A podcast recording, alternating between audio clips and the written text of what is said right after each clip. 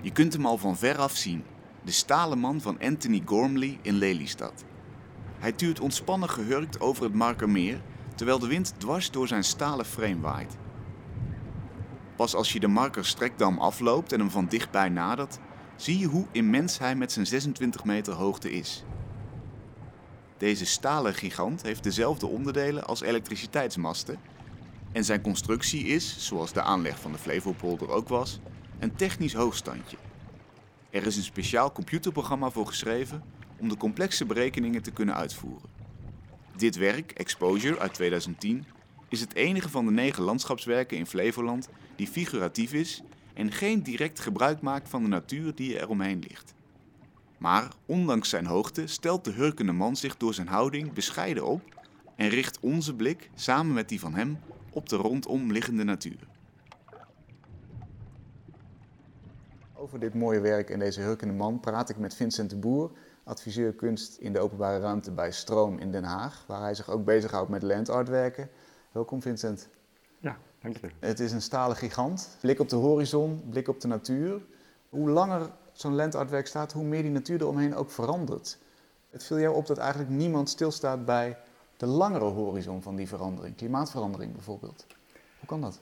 Ja, nou ja, dat is eigenlijk heel uh, grappig aan het werk van, uh, van Gormley, dat hij al bij, uh, bij de opdrachtformulering heeft bedacht dat het werk, omdat het landschap verandert, eigenlijk niet um, dat, dat, dat, de basis waarop het beeld staat, dus mocht de zee stijgen, mm. dat dan dus de voeten niet meestijgen. Dus, dus de dijk waarop hij staat, uh, blijft wat hij is. Ja. En mocht de dijk verhoogd worden, dan moet, wordt het beeld als het ware begraven in de, de komende dijk. Ah, dat heeft hij vastgelegd. Dat heeft hij vastgelegd. Al. Dat las ik in het contract. En dat vond ik eigenlijk al zo uh, ja, uh, fascinerend dat hij daar al. dat is natuurlijk ook vaak een, een, iemand met buitenlandse ogen kijkt naar het landschap. Voor ons is het zo vanzelfsprekend dat het gevecht met de zee, het verhogen van de dijken, uh, dat is eigenlijk ons bestaan, ons DNA zou je kunnen zeggen van, van, van Nederlanders.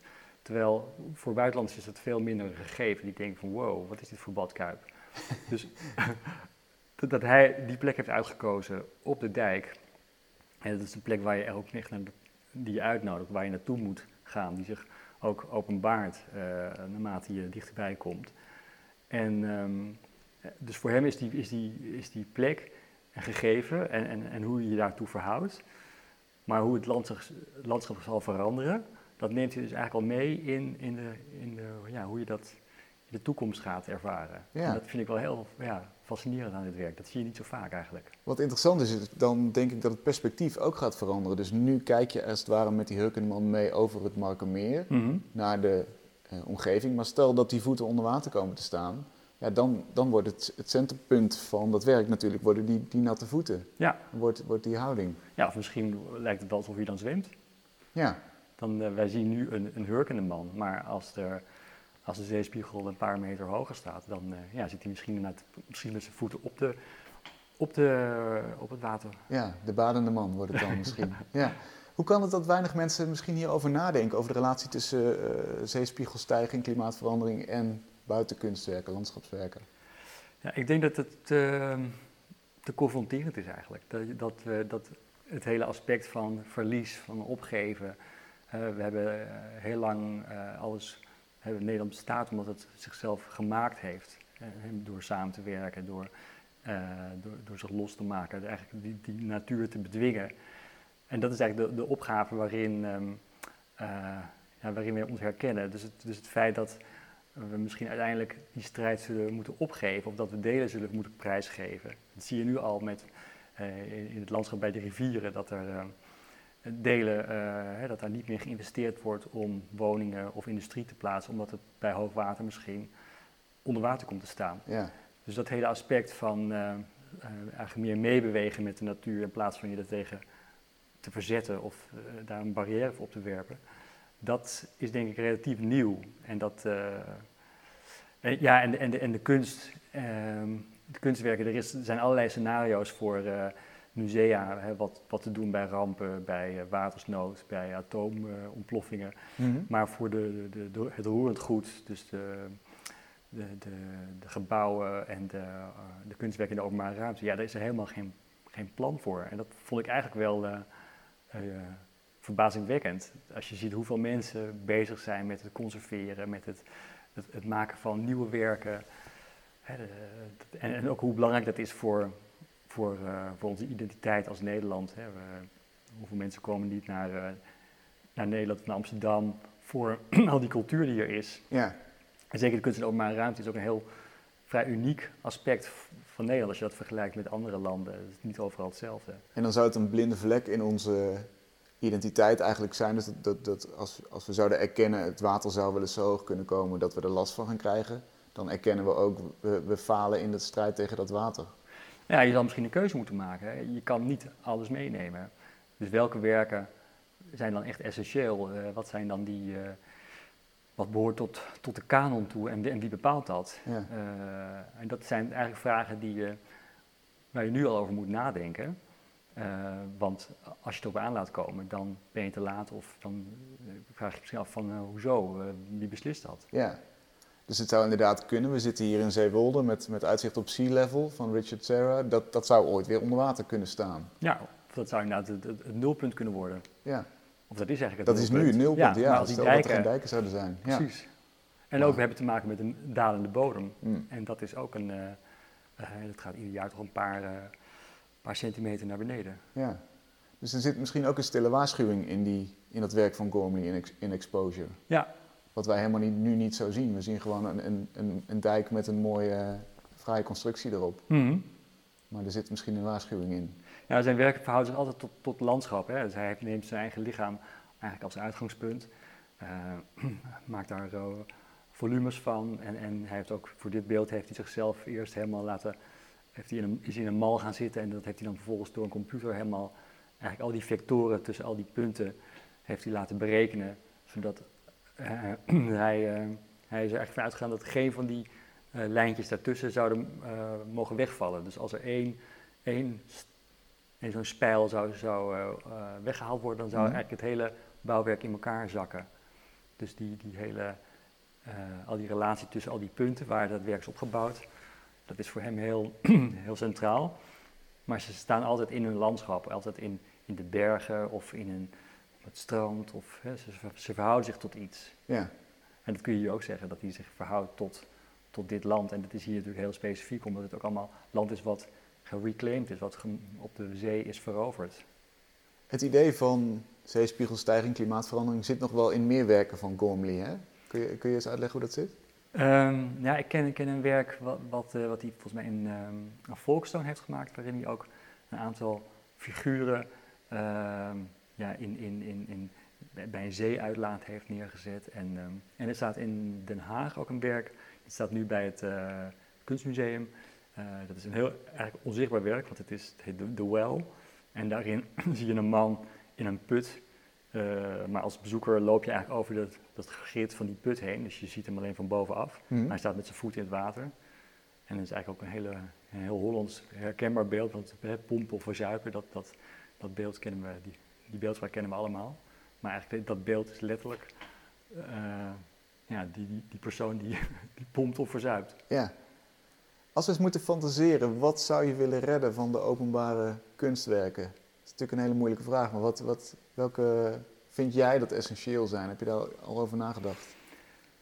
Ja, ik, ik denk dat ik, ik ben eigenlijk in eerste instantie geïnteresseerd in, in um, hoe zou dat eruit zien. Hè? Dus stel, weten we wat we hebben? Ik denk op het moment dat je realiseert wat je verliest, dat je ook um, beseft hoe dierbaar die kunstwerken zijn. En dat is heel vaak zo, dat merk ik dan in, in Den Haag ook vaak als er dan een, een kunstwerk um, weggehaald wordt voor onderhoud of omdat uh, iets verandert, uh, een bestemmingsplan verandert, Mhm. dan komt er heel veel los. Dat mensen zeggen, ja, maar dit werk, dat, uh, daar zat ik als kind altijd naar te kijken en dat vind ik, uh, dat zou ik heel erg vinden als het verdwijnt en daarom moet het terugkomen.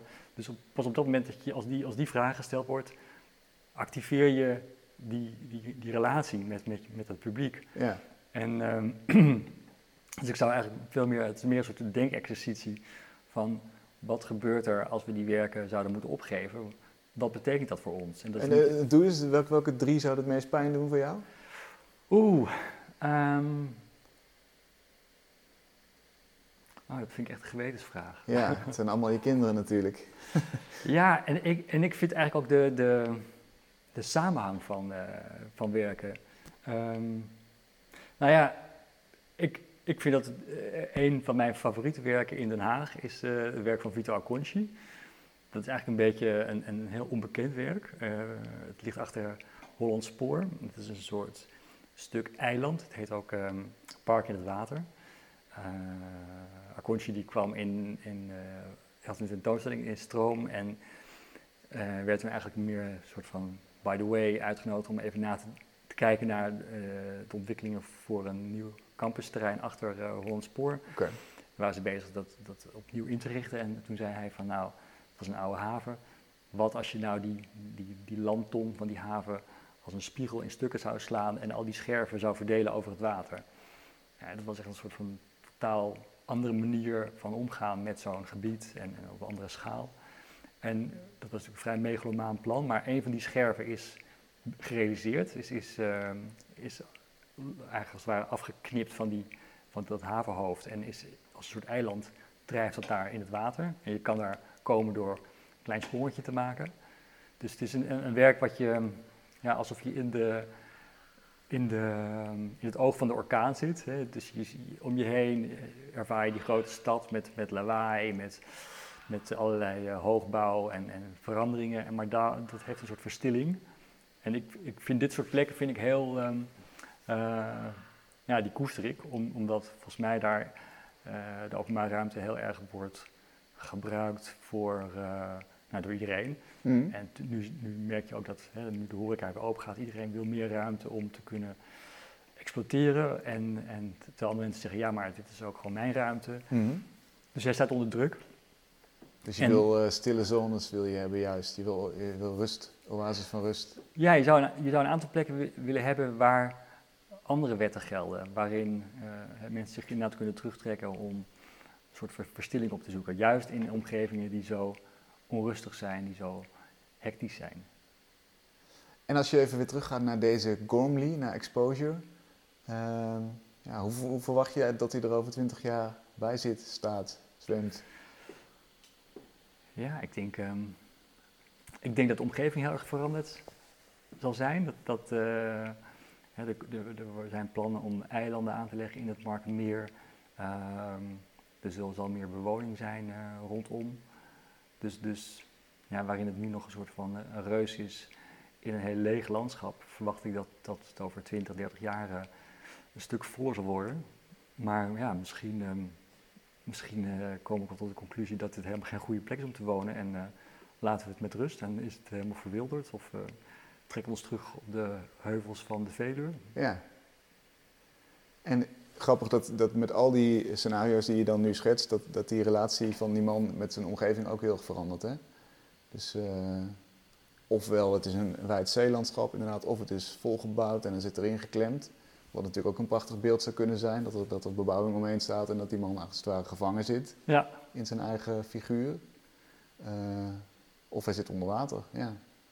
Ja, ik heb wel eens uh, ergens gelezen dat als die man zou gaan staan, hè, die, die die figuur, dat hij dan wel over de 100 meter zou zijn. Dat uh, misschien moet Cornwally wel met een, een remake komen waarin hij de man uiteindelijk, of op een andere plek, dat hij gaat staan. Ja, volgens mij is dat een heel goed, goede manier om te zeggen wat, wat een kwalitatief buitenkunstwerk is. Als het zo met de omgeving iets doet en je verbeelding prikkelt. Zeker, ja. Ik, het is echt een kwaliteit inderdaad. Het is afwachten. Maar het is misschien ook wel een bespiegeling van wat er met ons staat te gebeuren met die hele grote man. Die omgeving is, is misschien een beetje ons voorland. Ja, en ik vind in ieder geval heel goed dat hij het adresseert, dat hij het benoemt en, en, en nu al benoemt. Hè, waarin, uh, uh, waarin eigenlijk dit, onderwerp nog helemaal niet, ja, vrij onbespreekbaar is. Dat, dat, hele aspect van, van what if, dat wordt nog heel erg naar de toekomst geduwd en um, zo van ja, we, gaan het, we gaan het fixen, hoe dan ook, met hogere dijken of een, een, extra duin aan te leggen voor de Noordzeekust. Dus de hele maakbaarheid het hele maakbaarheid denken voorkomt nog een beetje dat we daarover nadenken. Ik denk dat, dat kunst juist het vermogen heeft om hier wel over te kunnen praten in een zekere vrijheid en, en met een zekere verbeelding ook. Ja. En het is natuurlijk letterlijk een visionair, eigenlijk die man. Hij kijkt, hij kijkt verder dan wij kunnen nu. Hij kijkt voorbij de horizon als het ware. Ja.